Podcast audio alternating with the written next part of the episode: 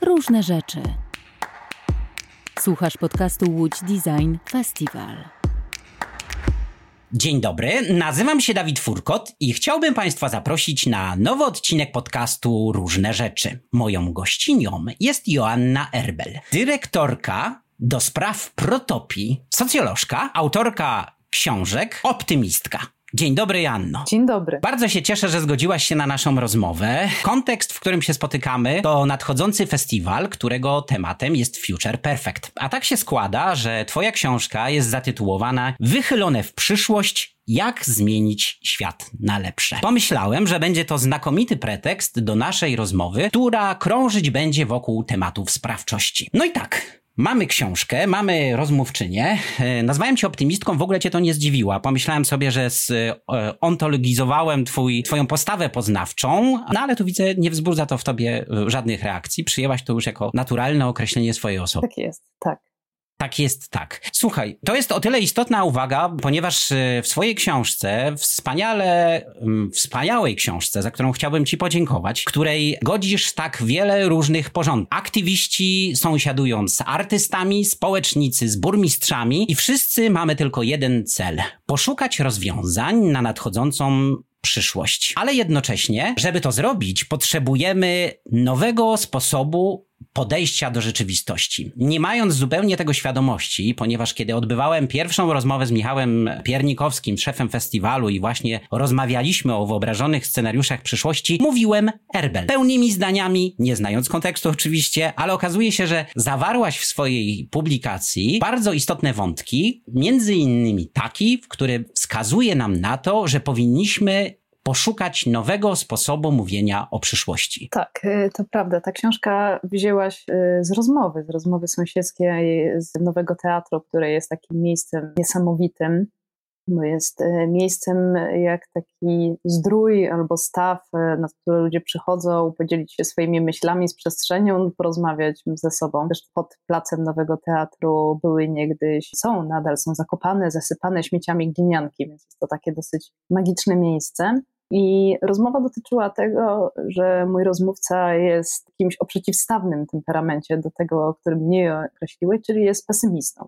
Więc siedząc sobie często na placu, obserwując różnego rodzaju lokalne i ponadlokalne trendy, zastanawialiśmy się, jaka może być przyszłość, i on zawsze rysował tą przyszłość w najczarniejszych scenariuszach. A ja mu wtedy mówiłam, ale przecież zobacz po prostu tutaj w takim mieście tutaj za rogiem dzieją się dobre rzeczy, to są takie pozytywne jaskółki zmian. I pomysł na tą książkę powstał więc y, na początku pandemii, kiedy ta rzeczywistość nam się całkiem, e, całkiem e, rozchwiała. I najciekawsze jest to, że ja i mój, okazało się, że ja i mój rozmówca mamy rację naraz i że rzeczywistość składa się zarówno z tych pozytywnych i z tych negatywnych e, zmian i przyszły te rzeczy, te dobre, czyli wzrost solidarności wzajemnej, taki większy poziom e, ufania osób, które że są naszymi sąsiadami i sąsiadkami, większy nacisk na zmiany klimatyczne, no i jednocześnie po prostu całe piekło tego świata, czyli rosnący autorytaryzm, wojna, wojna w Ukrainie. Ta książka jest e, próbą przestawienia naszego myślenia na te pozytywne jaskółki zmian i wykształcenia w naszych e, umysłach, czy jak ja to wolę mówić, ciało umysłach, takiej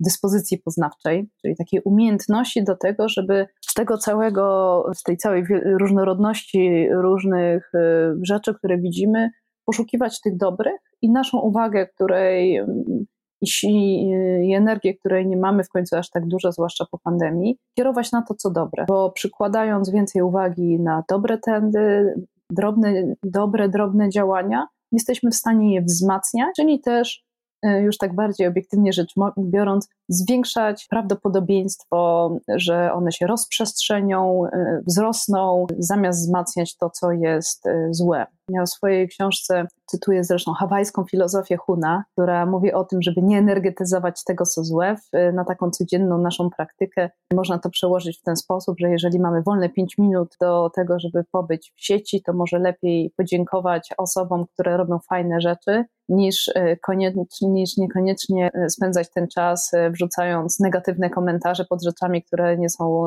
nie są dla nas istotne, bo chodzi nie tylko o rzeczywistość, ale również o nasz stan, stan naszego zdrowia psychicznego. Po pandemii musimy szczególnie o siebie dbać, bo jesteśmy bardziej wrażliwe i wrażliwi. Tak, to prawda. To było wielkie doświadczenie, które e, pozwoliło nam spojrzeć na rzeczywistość z zupełnie innej strony. I tak sobie myślę, że to bardzo dobrze, bo był to wielki test na różnego rodzaju rozwiązania. Ale wspomniałaś o filozofii Huna, to tak sobie pomyślałem, że w swojej książce wspominasz jeszcze jedno ćwiczenie polegające na trenowaniu wyobraźni, na wyobrażaniu sobie e, nowych scenariuszy przyszłości. I tak sobie pomyślałem, że to jest bardzo prosta technika, ale jednocześnie przynosząca nam zastrzeżenia zastrzyk energii. No więc y, gdzie twoja wyobraźnia powędrowała albo wędruje w trakcie takich y, ćwiczeń? Moja wyobraźnia jest bardzo skupiona zazwyczaj na miejscu, w którym, w którym jestem. Oczywiście mam różnego rodzaju tam fantazje, którymi się z czytelnikami, czytelniczkami e, dzielę, fantazje urbanistyczne, jedną z tych, większość tych fantazji dotyczy Warszawy, bo to jest mój główny obszar, obszar działalności. Jedna z tych fantazji dotyczy budynku Warsaw Spire, to jest jeden z tych takich wieżowców w Warszawie, może piękny z daleka, bardzo źle zaprojektowany w środku przy tak zwanym Placu Europejskim. W mojej wyobrażonej przyszłości ten budynek jest jedną wielką farmą, farmą hydroponiczną, w której warzywa rosną e, razem, mieszkają razem z rybami, które dostarczają niezbędnych składników, składników odżywczych ta fantazja, jak to wiele różnego rodzaju fantazji, wzięła się z, z prezentacji, którą widziałam kilka lat temu na temat takiego właśnie pełni y, autonomicznego, mm, autonomicznego biurowca, ale y, ja po prostu tak mam, że y, widzę powidoki rzeczy, które bym chciała, żeby były w moim mieście w, momencie, kiedy po nim chodzi. To jest trochę tak, jak czasami mamy takie filmy historyczne i y, rzeczywistość naszego wieku nagle jest przesłonięta taką kliszą, na której jeżdżą dorożki, czy dzieją się jakieś różne inne rzeczy, no to mi się tak zdarza dosyć często i z tego co wiem, wśród osób, z którymi rozmawiam i które też czytały tą książkę, okazuje się, że ta, tego typu dyspozycja jest za, zaraźliwa.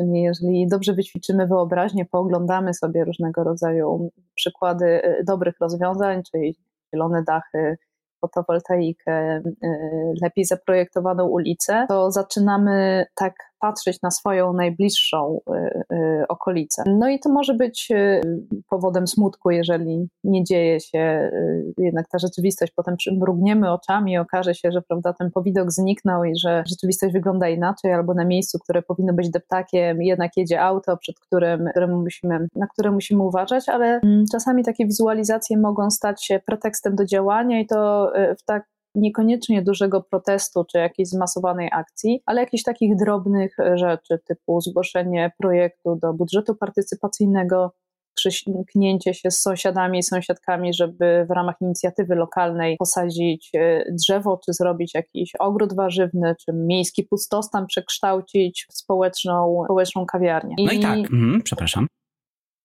już e, No i tak, i dzieje się zmiania. Właśnie z takich e, drobnych elementów e, rzeczywistość odmienia swój kształt. Wspomniałaś o powidokach, to tak bardzo łódzko mi zabrzmiało Strzemiński, duch Strzemińskiego wokół nas i jego teoria wciąż napędza nasze myślenie. I tak sobie pomyślałem, kiedy ten trening wyobraźni, o którym wspomniałaś, który może być zaczynem do nowych rozwiązań, właściwie w pewnym momencie trochę zabrakło nam pozytywnych wizji. No i ty w swojej książce wspominasz o pełnej słońca wizji solarpunkowej na przykład, a w jednym z wywiadów, które odsłuchiwałem przygotowywując się na naszej rozmowy, wspomniałaś o drugiej, o e, hydropunku. O, tak bym powiedział. Więc e, to są niesamowicie fajne rzeczy. Może byś nas troszeczkę wprowadziła więcej w ten kontekst. Tak, Solarpunk to jest e, bardzo ciekawa wizja e, przyszłości, e, bo ona się składa tam z dwóch słów, czyli solar, czyli słońca. Chodzi o to, żeby wykorzystać energię słoneczną do tworzenia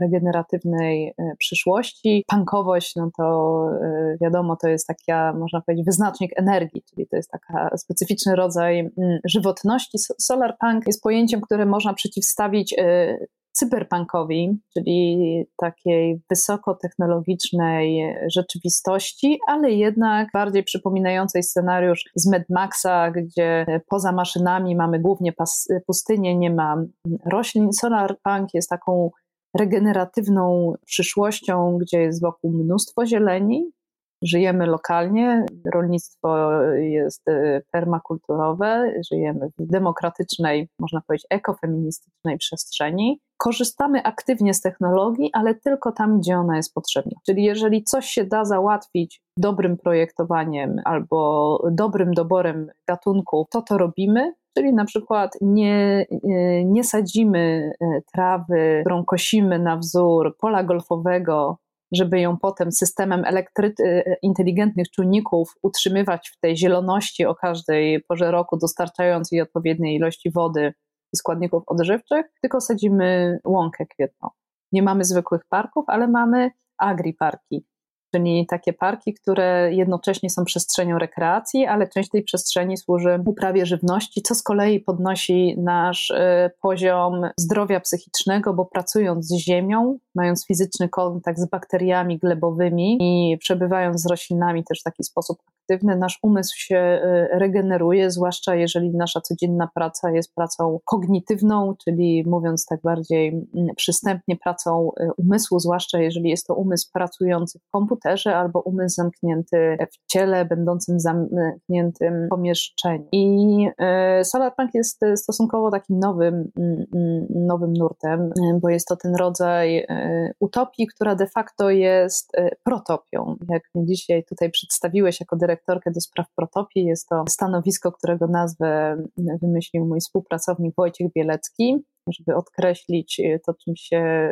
moim obszarem tutaj działalności. To protopia jest takim działaniem w stronę lepszego świata, ale w obrębie już istniejących możliwości. I to jest też ten kierunek, w którym zakłada, zachęca do działania SolarPunk. Zrób to, co możesz, za pomocą zasobów, które masz. Nie musi być idealnie, musi, może być trochę makersko, tak, yy, prowizorycznie, a my, Polki i Polacy, jesteśmy bardzo dobrzy w prowizorycznych rozwiązaniach, więc widzę tutaj u nas duży potencjał do wdrażania rozwiązań solarpunkowych i przez praktykę też rozwijaj tę wizję świata.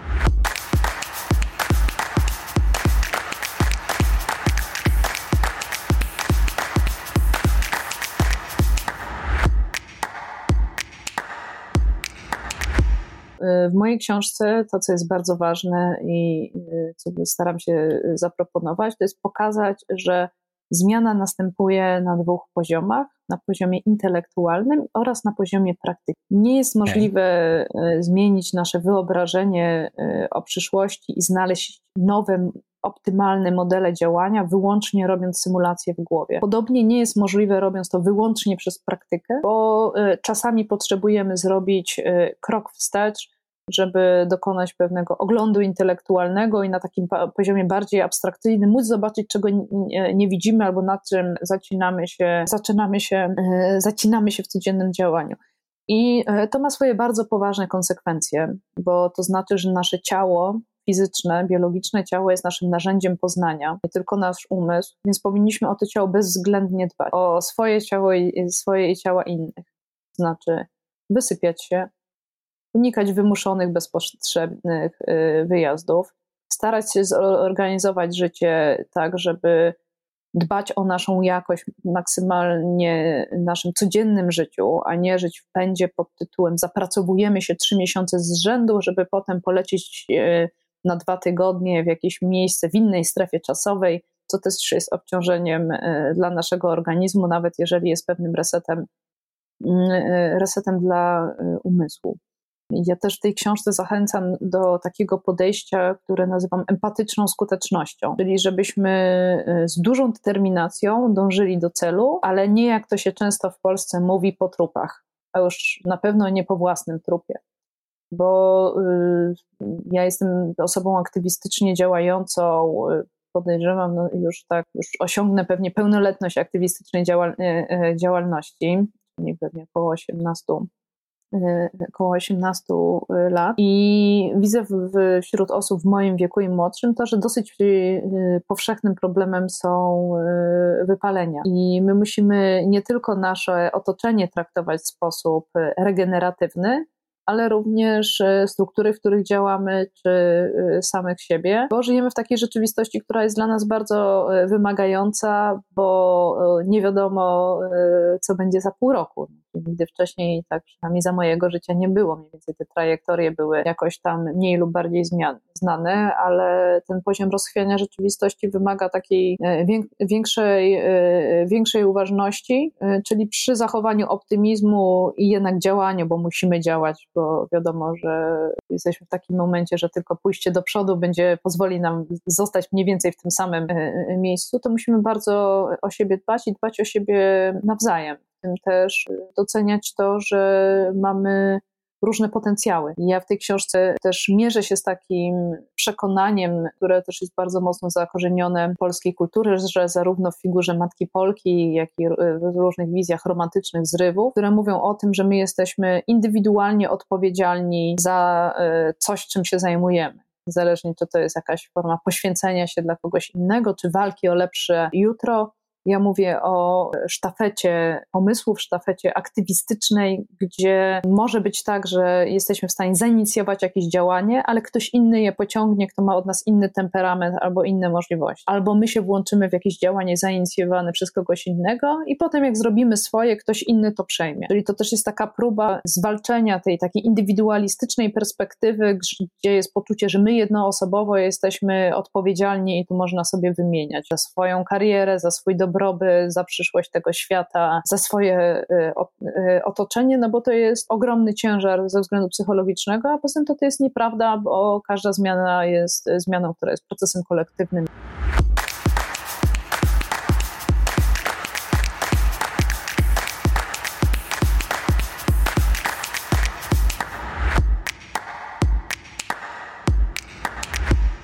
Wiele przykładów opisuje, e, w tej książce, czy jest to walka otwartych jazdów w Warszawie, też taka właśnie sztafeta, która doprowadziła do przywrócenia baru prasowego na Warszawskiej ulicy Marszałkowskiej, czy wiele innych, e, innych projektów. Tak, to prawda. Pod tym względem książka jest niesamowitym bogactwem, jeśli chodzi o przykłady. Przykłady szczęśliwie realizowanych różnego rodzaju działań. Tak, kiedy mówiłaś o tym wszystkim, natychmiast pojawił mi się dziwny obraz, który wypływa poniekąd trochę z twoich e, słów, a poniekąd trochę wypływa z samej książki. Miałem takie wrażenie, jakbym zanurzał rękę w worku pełnym ziarna. Poczułem to ziarno i nagle raz sypałem je i ono tak zaczęło kiełkować. I tak sobie pomyślałem, że takich osób, które pragną, żeby nowe... Mm, mamy też wiosnę, więc ja tak jakoś niesamowicie w tym roku ją odczuwam. Jakby tak jakoś jej wyczekiwałem, więc e, chyba już się po raz trzeci albo drugi co najmniej pojawia w moich wypowiedziach a propos tego podcastu, ale mam takie wrażenie, że dokładnie to wspaniale współgra z tym, o czym mówimy. Potrzebujemy potrzebujemy nowych wizji, potrzebujemy odnowy, potrzebujemy zielonej nadziei, sensu stricte. Mm, I teraz tak. To, żeby ci na chwilę wejść słowo i konsekwentnie zastosować metodologię, którą mam, e, to proponuję, żebyś faktycznie coś wysiał. I czasami może być to tak e, banalna rzecz, e, jak wysianie jakichś nasion, które są przyprawami, które mamy w domu. Na przykład bardzo pięknie kolendra wysiewa, mm -hmm. kolendra, musztarda albo różnego rodzaju łąki kwietne bo te gesty, które są takimi gestami nie tylko wyobraźni, ale gestami e, e, ręki, e, też są czymś, co to jest bardzo ważne i ma też większe znaczenie dla nas samych niż moglibyśmy sobie wyobrażać, więc bardzo Ci tutaj zachęcam do wyrzucenia tych pierwszych znalezionych sobie ziaren w jakimś miejscu, gdzie uznasz to za stosowne. Okej, okay, na pewno to zrobię. Tak samo zachęcam nas wszystkich. Drodzy Państwo, słucha nas tutaj całkiem niezła wspólnota ludzi twórczych i skłonnych do różnych eksperymentów. Tak więc yy, zróbmy to yy, wraz z nadchodzącą wiosną.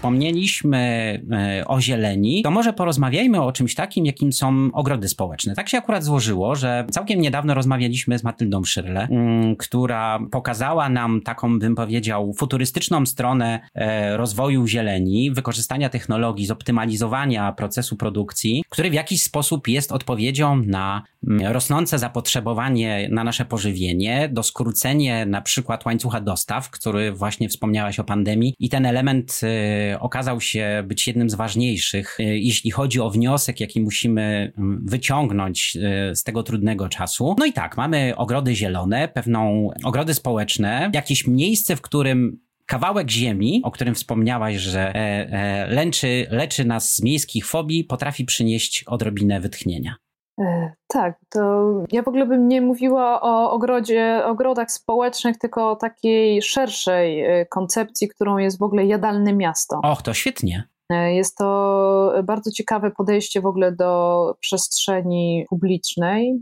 Pierwszym miastem, który w ogóle e, konsekwentnie wprowadza ideę jadalnego miasta jest Kraków. E, ma taki projekt, który się nazywa Jadalny Kraków i on ma bardzo dużo wymiarów, bo są tam i przyszkolne, i przedszkolne ogródki, i nasadzenia drzew, które są drzewami owocowymi i różnego rodzaju działania teraz razem z zarządem zieleni miejskiej w Krakowie oraz pełnomocniczką do spraw edukacji klimatycznej Ewą Caus e, przygotowujemy model spółdzielczej farmy miejskiej, która byłaby też takim trochę inkubatorem idei i odpowiadała sobie na pytanie, jak, na jakich zasadach można wdrażać tę ideę jadalnego miasta w różnych miejscach bo to mogą być tradycyjne ogrody społecznościowe, których funkcja jest de facto taka tworzenia, tworzenia interakcji, ta funkcja produkcyjna e, nie jest jakoś tam istotna. Mogą to być e, tereny w miastach, które są przeznaczone pod produkcję.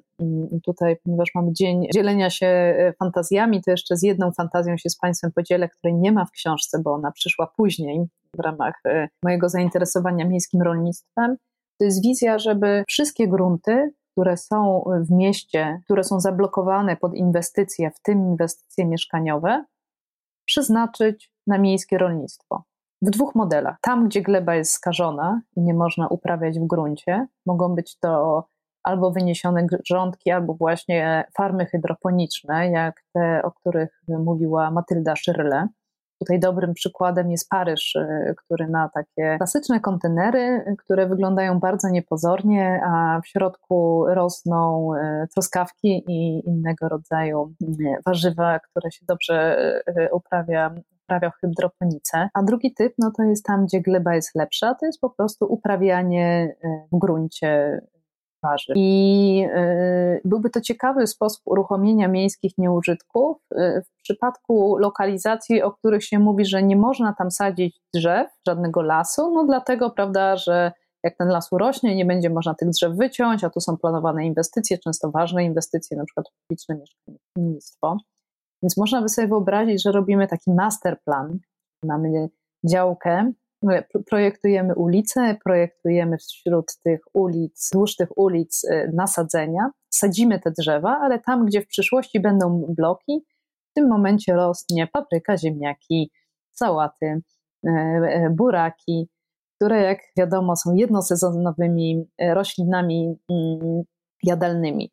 I to też jest ważne o tyle, że mm, zajmowanie się w ogóle tematem przyrody, wzrostu, ogrodnictwa buduje nam inny rodzaj wiedzy. I tutaj chciałabym Państwu polecić jeszcze inną książkę, czyli Ekonomię obważanka Kate Raworth. To jest taka potężna koncepcja, która mówi o tym, że rozwój społeczny musimy zmieścić między dwoma okręgami. Wewnętrznym kręgiem tego obważanka, czyli potrzebami społecznymi. Tam są kwestie związane z równouprawnieniem, z dostępem do żywności, z jakimś zapewnieniem podstawowego bytu oraz drugim kręgiem, czyli wypornością klimatyczną. I poza tą mocarną metaforą, którą proponuje nam Raworth, ona proponuje też zmianę, e, zmianę myślenia, takiego zmianę e, metafor, e, metafor mechanicystycznych, takich produkcyjnych, industrialnych, prawda, mm -hmm, które -hmm, zwłaszcza w Łodzi są mhm. bardzo bliskie, prawda, bo to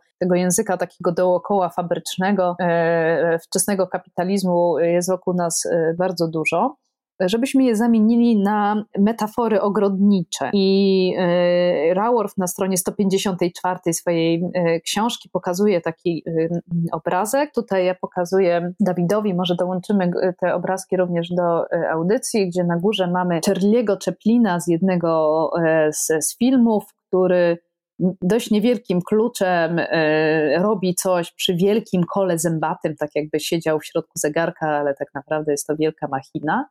A na dole mamy mm, e, zdjęcie Josephine Baker, która siedzi w ogrodzie i coś tam pieli, zresztą osoby wybitnej, bo poza swojej działalnością artystyczną była ona również szpiginią, więc e, jest to wybitny rodzaj, rodzaj intelektu. I to jest ważne o tyle, że e, w momencie, kiedy jesteśmy w metaforach mechanistycznych, bardzo trudno nam zrozumieć, że zmiana jest e, procesem cyklicznym. I to takim procesem, który e, raczej porusza się na spirali. My mamy tendencję do myślenia o tym, że jak wracamy do jakichś motywów w naszym życiu, do sytuacji, które są podobne, albo pojawiają się pewne trendy, które znamy z przeszłości, na przykład wzrost znaczenia ruchów ekologicznych, czy wzrost znaczenia spółdzielczości, to mamy tendencję do mówienia, to już było, powrót do tego to jest regres, potrzebujemy nowych rzeczy. Podczas gdy y, y, jesteśmy aktywnymi ogrodnikami, ogrodniczkami przestrzeni biologicznej, jak i przestrzeni idei, wtedy wiemy, że rzeczywistość ma swoje cykle, i tak jakbyśmy się poruszali y, po spirali, czasami po prostu wracamy do jakiegoś miejsca, które jeżeli weźmiemy linię prostą, która y, tą y, spiralę przekracza, trochę tak jakby taki klucz wiolinowy, no to normalne jest, że jesteśmy w różnych miejscach, w bardzo podobnym miejscu, ale jednak w troszeczkę innym miejscu, w troszeczkę lepszym. I mm, praktykowanie ogrodnictwa, nawet w niewielkim wymiarze, czy w ogóle praktykowanie uprawiania roślin, jest czymś, co nas zbliża do tego podejścia.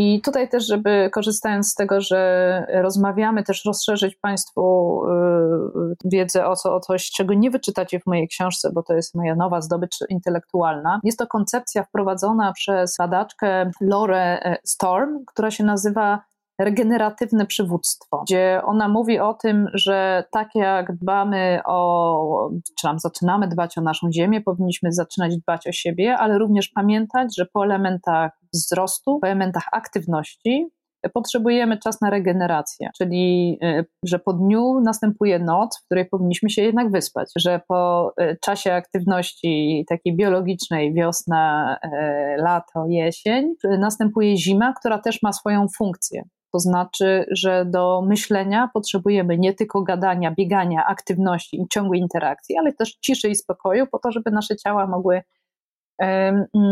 mogły rzeczy e, przemyśleć. I to są takie rzeczy, które są e, dosyć mocno abstrakcyjne, jeżeli żyjemy w świecie, który codziennie wygląda e, tak samo, niezależnie od tego, jaka jest pora roku a zaczynają być całkowicie zrozumiałe w momencie, kiedy podpinamy się w mocniejszy sposób po ten świat biologiczny, co mogą nam dać zarówno ogrody społecznościowe, jak i różnego rodzaju koncepcje jadalnego miasta, bo wtedy na przykład wiemy, że pod koniec lata na, na naszej tutaj granicy naszego miejskiego parku wyrosły jeżyny, a wcześniej wyrosły porzeczki. A teraz kwitną różnego rodzaju drzewa owocowe i trzeba się cieszyć teraz tymi kwitnącymi drzewami owocowymi, dlatego że zaraz te płatki mm, opadną, więc to nie jest tak, prawda, że można wiecznie delegować, prokrastynować to wyjście i nacieszenie się kwitnącą mirabelką, dlatego że zaraz będzie taki moment, że będziemy musieli czekać cały rok, no a rok to już jest strasznie długo, więc może jednak warto wstać od tego komputera i wyjść na 15-minutowy spacer. Więc ja tutaj w tych takich różnych działaniach ogrodniczych, które często są niedoceniane jako taka trochę aktywizacja, e, trochę jakieś mikrodziałania, w których bierze udział niewiele, niewiele osób, widzę ogromny e, potencjał, zwłaszcza jak jest robione to w takim modelu, że nie trzeba tam bywać e, codziennie i być osobą, która się profesjonalnie tym zajmuje, tylko można w tym partycypować w taki sposób ad hocowy i sąsiedzki.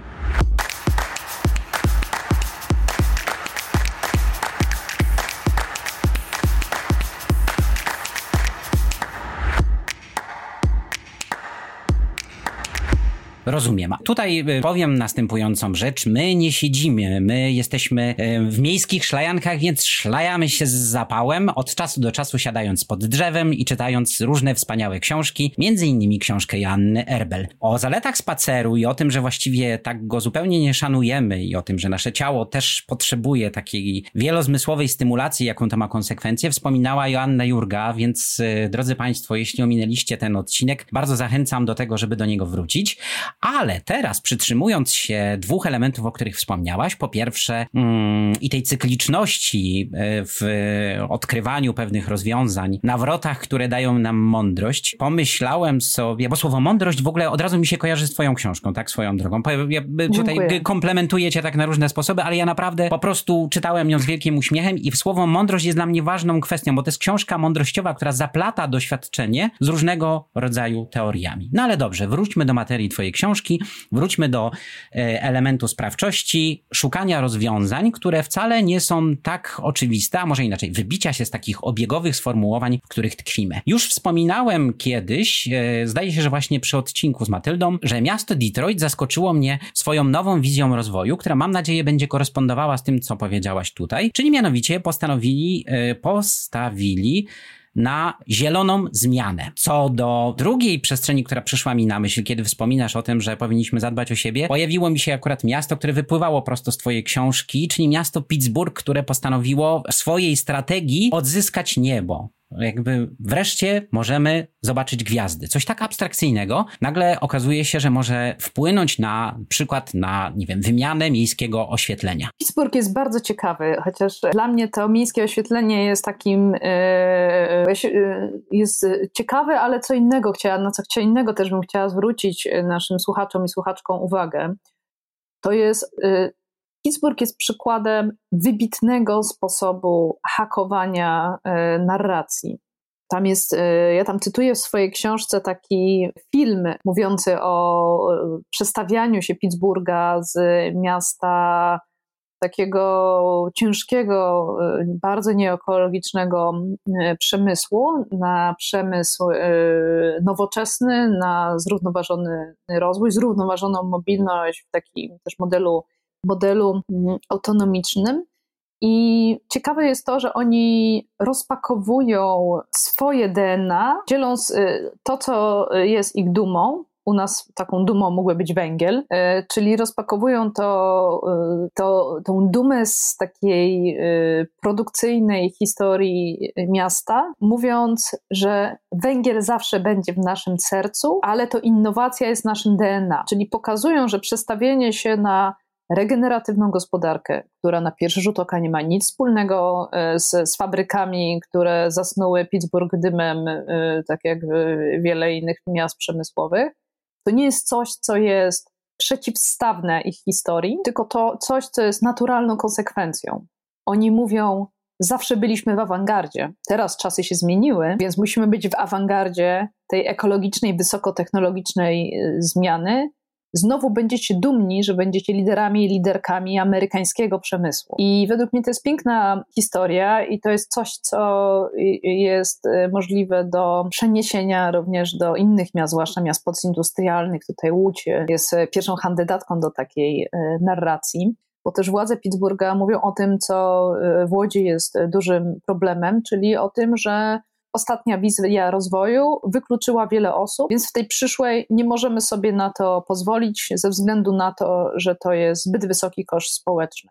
Czyli wymyślając rozwiązania e, przyszłości tej e, lepszej, wysokotechnologicznej, e, nawet w takim modelu kapitalistyczno-rozwojowym, musimy pamiętać o najsłabszych i, i, o ich potrzebach. I to jest y, bardzo ciekawe, bo ja długo, jak pisałam o, tej, o tym przykładzie, on jest w ostatnim, ostatnim rozdziale, rozdziale książki, zastanawiałam się, jaki tytuł nadać temu podrozdziałowi i go nazwałam w końcu tak bardzo konserwatywnie. W ogóle zastanawiałam się, czy mogę go tak konserwatywnie nazwać czyli duma z tego, co nadejdzie. Czyli to jest e, taka e, fantazja, która zresztą e, w Warszawie jest obecna mm, wokół postaci Stefana Starzyńskiego. Czyli chcemy być dumni z tego, jaką właśnie tworzymy przyszłość, żeby po latach zostać zapamiętanymi jako ci nosiciele, czy tam nosicielki, nosicielki tej zmiany.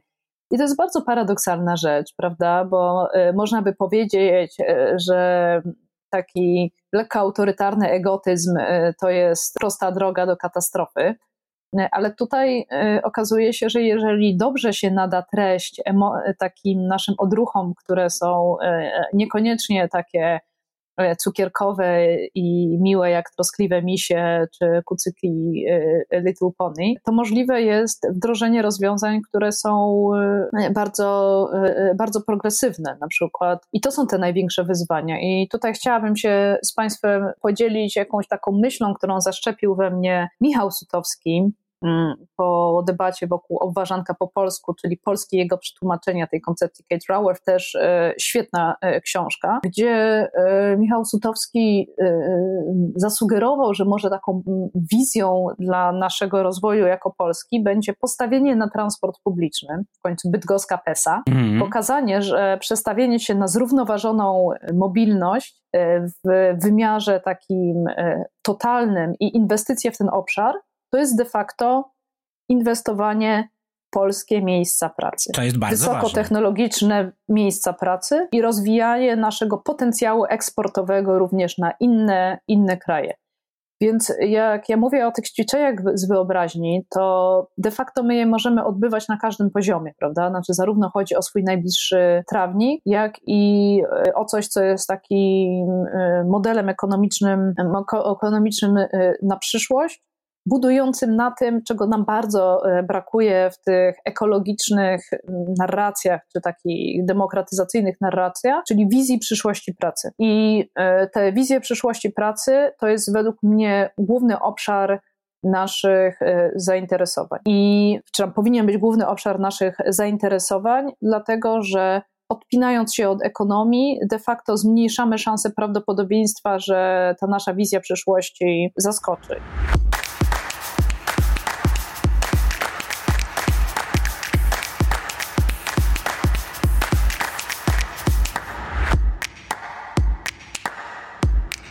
Tutaj też chciałam Państwu bardzo polecić artykuł, y, tekst Natalii Waloch z Wysokich Obcasów y, o tytule Co łączy Serenę Williams z opiekunką DPS-u, czyli jak sztuczna inteligencja da bogactwo kobietom, gdzie ona rysuje taką wizję, że wzrost automatyzacji zautomatyzuje de facto, czy tam postęp technologiczny zautomatyzuje te zawody, które są w tym momencie przede wszystkim zajmowane przez y, mężczyzn. Menadżerowie średniego szczebla, różnego rodzaju analitycy, doradcy finansowi i tak dalej i dowartościowuje tą niedocenianą teraz pracę opiekuńczą, bo mimo wielu prób e, robienia robotów opiekuńczych dla e, e, japońskich seniorów, to ta gałąź gospodarki umiarkowanie się rozwija, zwłaszcza tutaj w naszym kręgu kulturowym. Więc może się okazać, że przyszłością pracy będzie większe dowartościowanie tak zwanych zawodów, które ja nazywam potrzebnymi zawodami. Nauczyciele, pielęgniarze, pielęgniarki, opiekunowie, opiekunki, osoby wspierające nas w różnego rodzaju kryzysach, w tym kryzysie zdrowotnym, miejsce ogrodnicy i ogrodniczki, którzy którzy nauczą nas, jak zajmować się przyrodą, po to, żebyśmy odzyskali kontakt z, rzeczywistością, uziemili się i też podnieśli swój poziom dobrobytu psychicznego. A w tle będzie ten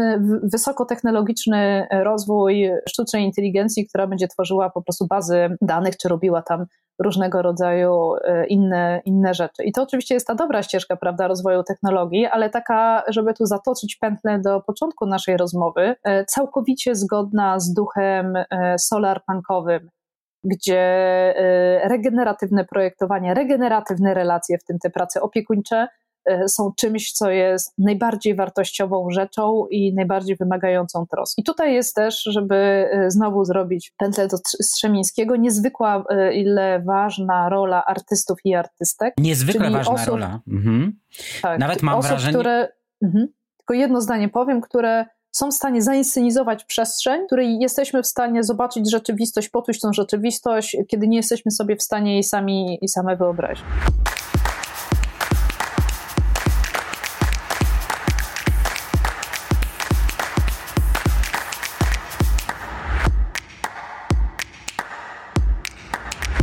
Pamiętam, miałem kiedyś takie, wy... tutaj będzie jakby w trend osobisty, pamiętam, miałem kiedyś e, takie zajęcia w szkole filmowej, rozmawialiśmy z Józefem Robakowskim, oglądając różne filmy wideo i on nagle stwierdził, że są pewne narody, które są w stanie przyciągnąć i zapłacić artystom, żeby przyjechali i pozwolili im popatrzeć na zagadnienie w zupełnie inny sposób, bo wyobraźnia artystyczna przetwarza to w zupełnie inną, e, nadaje temu nowe konteksty i wydawać by się mogło, że proste działania nie mają mocy sprawczej, a ty właściwie pokazujesz dwa wspaniałe przykłady, dwa, dwóch, działania dwóch wspaniałych artystek, Joanny Rajkowskiej, która zrobiła dotleniacz i jakie to miało długofalowe konsekwencje oraz drugi przykład, który mnie zachwycił po prostu chyba pewnie dlatego, że e, lubię jamniki, czyli e, jak... Iza Rutkowska i strażnik e, e podwórka. Mhm. Właśnie, no właśnie. Tutaj mamy w, y, znakomite przykłady na to, że wyobraźnia artystyczna może być, wyprzedzać, jakby y, dawać wręcz, być takim rodzajem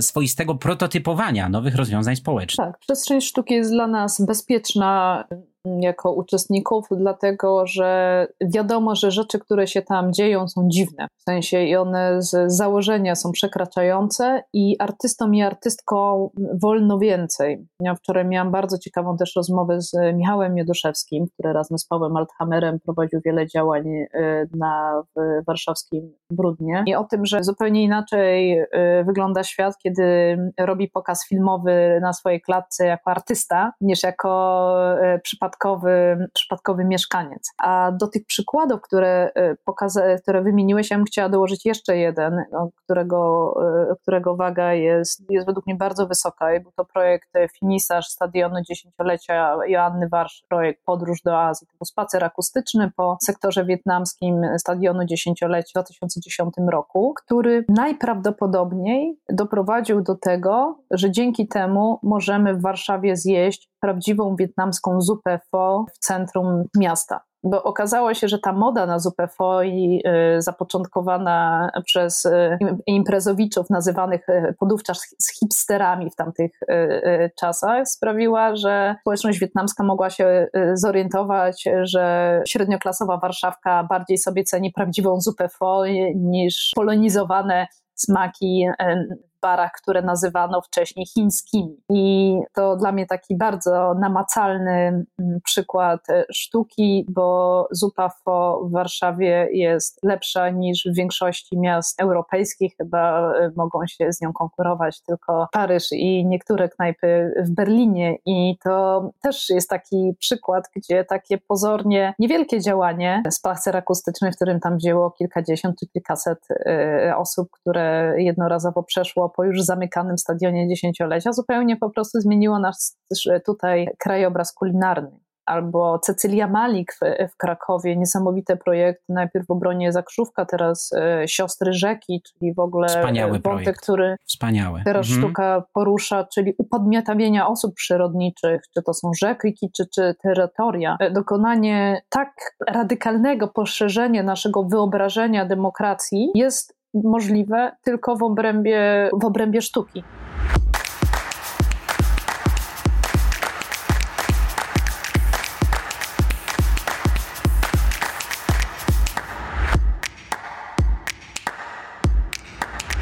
Tak się składa, że całkiem niedawno rozmawialiśmy o transformacji. Bohaterką tej audycji była Olga Drenda i e, znowu ty masz jeden z rozdziałów, w którym wspominasz o tym, że w przeciwieństwie do czasu, kiedy adoptowaliśmy z większym lub mniejszym skutkiem pewne rozwiązania wypracowane na Zachodzie, zostajemy po pierwsze z sytuacją, w której tym razem nie mamy jak korzystać z takich doświadczeń, stajemy się współtwórcami nowego odbioru rzeczywistości, no i zostaje z nami całe bogactwo w postaci transform, potransformacyjnej architektury te wszystkie ogromniaste stadiony i tego typu y, budowle. Mm, to prawda, tak. Ze stadionami y, trzeba będzie coś zrobić, podobnie jak z centrami handlowymi. Zresztą jest taka praca sprzed y, kilkunastu lat, Hotel Polonia, mm, Trybusia i Piątka, która była pokazana w, na Biennale w Wenecji y, i była taką wizją przekształcenia centrum handlowego w jakąś taką e, post, e, postprzestrzeń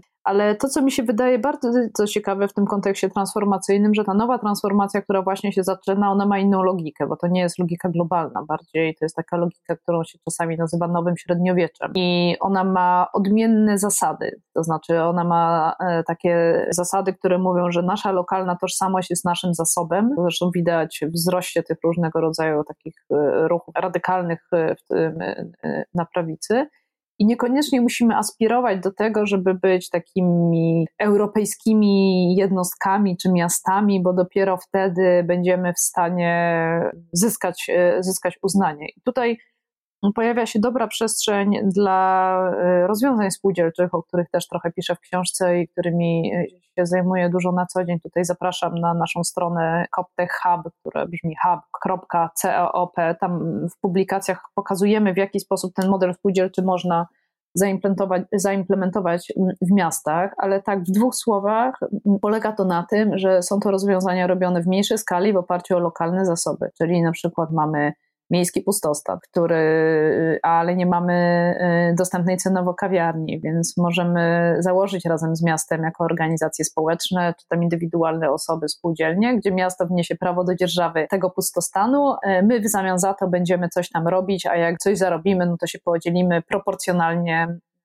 proporcjonalnie do tego zysku. Możemy też nasze zdegradowane e, tereny miejskie przekształcić właśnie na farmę miejską w takim modelu hydroponicznym, która będzie farmą, która będzie częściowo właśnie współprowadzona przez osoby związane z administracją publiczną albo z miejską, z miejską e, spółką. Trochę w taki sposób, jak niektóre miasta e, mają swoje spółki zajmujące się przestrzenią publiczną, to jest Warexpo w Warszawie, albo mają swoje spółki rewitalizacyjne do tworzenia z, równi, z, takich y, trudnych projektów, czy tam spółki stworzone do budowania mieszkań, tak jak TBS-y czy, czy inne, y, inne spółki. Więc na pewno ta logika transformacji, która teraz nadchodzi, ona jest trochę inna, bo ona jest przeciwna gigantomanii, co daje dużą szansę mniejszym miastom, jako tym miastom, które, których prezydentowie i prezydentki, burmistrzowie i burmistrzynie nie mają tego przywileju, żeby się czymś nie zajmować, bo muszą się zajmować wszystkim, bo nie mają tylu zastępczyń i zastępców. I dzięki temu tworzą innowacyjne rozwiązania i tutaj pewnie już tak zbliżając się pewnie do końca tej naszej rozmowy, chciałabym podać przykład Pleszewa, który dla mnie jest taki, jeżeli chodzi o rozwój gospodarczy, chyba najbardziej innowacyjnym w tym momencie miastem, bo będąc miastem niespełna 17-tysięcznym, miasto zachowuje się jak aktywny inwestor, tworząc to, czego w mieście brakuje. Czyli na przykład hotel z inkubatorem przedsiębiorczości, który powstanie naprzeciwko już działającej przestrzeni kultury, czyli zajezdni kultury. Mieszkania dla nowych mieszkanek i mieszkańców, dla młodych mieszkanek i mieszkańców, zarówno tych mieszkających w Pleszewie, jak i osób, które przyjadą. Tam 20% mieszkań jest kierowanych do osób, które są osobami spoza e, Pleszewa, a większą szansę na mieszkanie można dostać za aktywizm społeczny. W dużych miastach nie do pomyślenia, prawda? Wiemy, w jaki sposób traktuje się aktywistów i aktywistki w najlepszym stopniu jest to w miarę przyjazne podejście z lekkim dystansem, ale żeby kogoś nagradzać tak cennym zasobem, jak dostęp do mieszkania komunalnego za to, że ktoś w swoim czasie wolnym współtworzy przyszłość miasta, to jest coś, co w świecie przyszłości będzie rzeczą oczywistą, ale teraz ten świat przyszłości właśnie rodzi się w mniejszych, mniejszych ośrodkach. Również dlatego, że te mniejsze ośrodki w tym momencie mają szansę, żeby zawalczyć o y, nowych mieszkańców i mieszkanki w sytuacji, kiedy coraz więcej osób jest w stanie wykonywać całość albo część swojej pracy zdalnie. Więc y, jesteśmy w takim nowym momencie e, transformacyjnym i na pewno będą potrzebne e, programy rewitalizacyjne zajmujące się tą przeskalowaną, przeskalowaną architekturą. Może znowu stadiony, tak jak niegdyś stadion dziesięciolecia w Warszawie z, z obiektu sportowego stał się jednym wielkim wielokulturowym bazarem. Teraz też, też przekształcą się w takie demokratycznie dostępne przestrzenie, przestrzenie publiczne, gdzie na murawie nie, niekoniecznie tylko będzie się grało w piłkę, ale może będzie coś tam jadło, rosło jadalnego. E, tu zobaczymy. E, swoich własnych fantazji na temat tego typu architektury nie mam, ale sądzę, że wiele architektów i architektek e, już myśli, co, co zrobić. Bardzo Ci dziękuję za te wszystkie wspaniałe przykłady, za tą ożywczą bryzę dla naszej wyobraźni i pomyślałem sobie, że na sam koniec pójdę Twoją dróżką, a szlajamy się, więc warto korzystać z wydeptanych traktów, nie jesteśmy sami, ktoś już dobrze to wymyślił, więc Więc y, na sam koniec, dziękując Ci za naszą rozmowę, pozwolę sobie zacytować na pożegnanie taki fragment rozmowy, który mm, został przeprowadzony z Rafałem Matyją i on brzmi następująco, gdzie mam nadzieję będzie to pełnym podsumowaniem naszej rozmowy. Miasto jest zawsze w jakimś stopniu projektem, nie tylko nawarstwiającą się samoczynnie tkanką urbanistyczną. O kształcie tego, co projektujemy, decydują nasze szersze wyobrażenia, metafory, którymi myślimy o życiu społecznym i jednostkowym. Dotyczą one nie tylko porządku prawnego czy procesów ekonomicznych, ale też naszych gustów estetycznych, istotnych symboli i tego, co myślimy o zdrowiu, bezpieczeństwie czy komforcie. Dlatego w epoce zmian łatwiej jest projektować zmiany na poziomie widocznego miasta niż trudnego do wyobrażenia państwa. Mam nadzieję, że ten cytat nas wzmocnił. I on no, raz jeszcze Ci dziękuję za poświęcony czas. Dziękuję. I co, drodzy Państwo, wielkimi krochami nadchodzi nasz festiwal. Lada chwila. Maj, proszę sobie zapisać to w kalendarze. I tyle. Dziękuję bardzo. Dziękuję bardzo. Dziękujemy za wysłuchanie. Więcej odcinków naszego podcastu znajdziesz na www.lotsdesign.com. Działamy dzięki wsparciu Łódzkiego Centrum Wydarzeń, Urzędu Miasta Łodzi oraz Ministerstwa Kultury i Dziedzictwa Narodowego dzięki środkom z Funduszu Promocji Kultury.